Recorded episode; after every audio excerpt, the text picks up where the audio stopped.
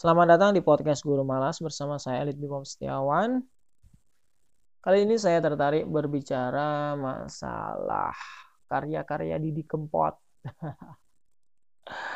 saya mengenal Didi Kempot, terutama karya-karyanya sejak saya masih SD karena kebetulan dulu bapak saya sering kali memutar lagu-lagu campur sari di rumah oleh karena itu, mau tidak mau, suka tidak suka, saya pasti ikut mendengarkannya.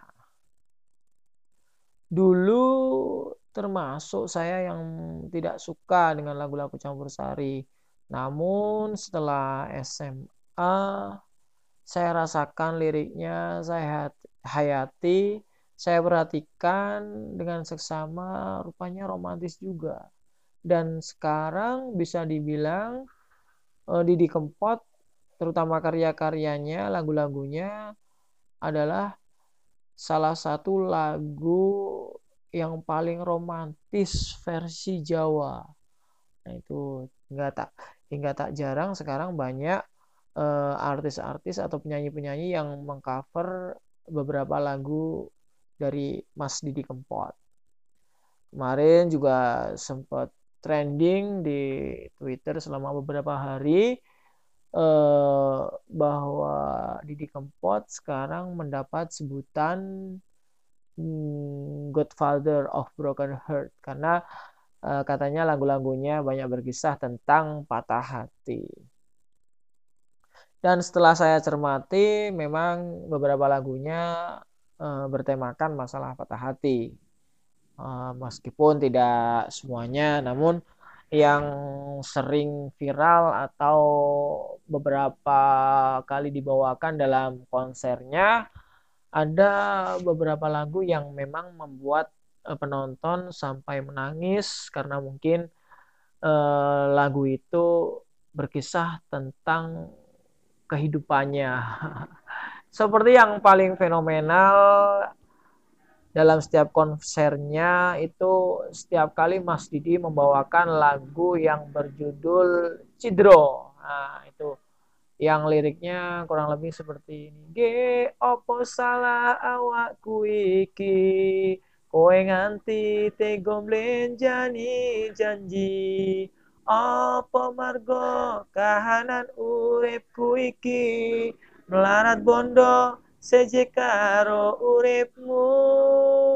Wah ambiar pasti kalau eh, orang-orang uh, yang punya kisah cinta seperti dalam lagunya Mas Didi yang berjudul Cidro itu. Jadi uh, lagunya berkisahkan tentang percintaan yang berbeda kasta. Yang satunya uh, punya harta atau orang kaya dan satunya orang biasa-biasa saja. Dan akhirnya mungkin keluarganya tidak setuju dan akhirnya terjadilah yang namanya cidro patah hati.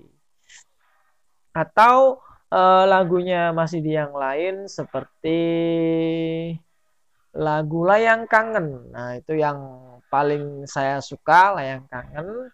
Yang lagunya liriknya ada yang seperti ini layangmu wis tak tampa wingi kuwi. Wis tak waca apa karepe atimu? Ning kepiye maneh marga kahananku? Cayu entenano tekaku. Jadi uh, lagu itu berkisah tentang rasa rindu uh, istri kepada suaminya namun karena suaminya ada pekerjaan atau kahanan dalam lagu ini, eh, makanya tidak bisa serta-merta langsung menjumpai sang istri. Makanya eh, sampai di referennya eh, ada lirik yang bunyinya seperti ini. Umpama tanganku dadi suwiwi iki uga aku mesti enggal bali. Ning kepiye maneh mergo kahananku? Cayun tenano tekaku. Nah, jadi sang suami sampai berandai-andai kalau misalnya tangannya itu bisa menjadi seperti sebuah sayap yang bisa menerbangkannya untuk bisa menjumpai kekasih pujaannya, maka dia akan terbang menjumpai uh, orang yang kangen dengan dia. Namun apa daya karena manusia tidak memiliki sayap, uh, manusia hanya bisa mencari uang untuk membeli tiket pesawat terbang. Dan itu harus menunggu sampai datangnya waktu gajian yang tidak tahu kapan. Makanya hanya bisa berandai-andai. Tapi e, di balik semua itu liriknya begitu dalam. Apalagi e, lagu yang berjudul Sewu Kuto. Wow, itu benar-benar diksinya tingkat tinggi, tingkat dewa kalau bisa saya bilang seperti itu. Jadi Sewu Kuto itu kalau diterjemahkan ke dalam bahasa Indonesia adalah uh, seribu kota, bayangkan. Sewu Kuto wis tak liwati, sewu hati tak takoni. Ia sudah melewati seribu kota, kemudian sudah bertanya kepada seribu hati tentang orang yang dicintainya, orang yang disayanginya, itu sampai segitu dalamnya. Kalau orang yang sudah kasmaran, makanya uh, ada anggapan, ada uh, yang ada anggapan yang mengatakan bahwa jatuh cinta itu selalu uh, tidak pakai logika atau jatuh cinta itu selalu berlebihan. Dan saya sangat setuju kalau orang yang sedang dilanda kasmaran, dimabuk asmara, kadang suka berbuat aneh-aneh, kadang eh, kebiasaannya di luar kebiasaan manusia pada umumnya itu wajar karena dia sedang dihinggapi virus-virus cinta. eh, cinta bisa membuat orang menjadi gila, cinta bisa membuat orang menjadi kreatif, cinta bisa membuat orang yang uh, yang normal menjadi tidak normal.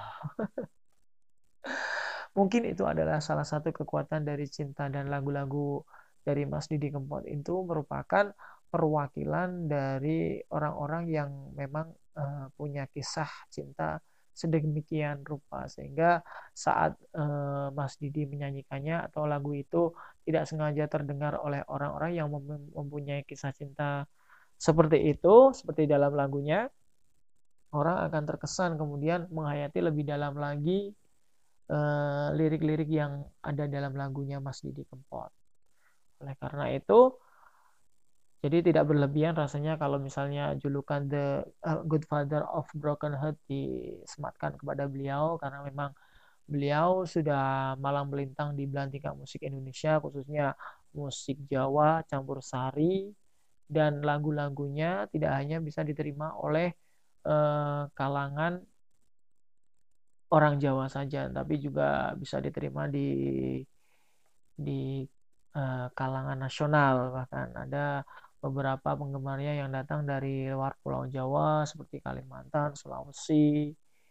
Eh, tidak tahu mungkin pertama tidak tahu artinya, namun karena sekarang kan untuk mencari terjemahan dari beberapa lagu yang kita tidak tahu bahasanya kan sangat mudah. Kita tinggal mencari di Google sudah ada dan ketika orang yang tidak tahu uh, lagunya kemudian menjadi tahu uh, pasti akan timbul rasa suka.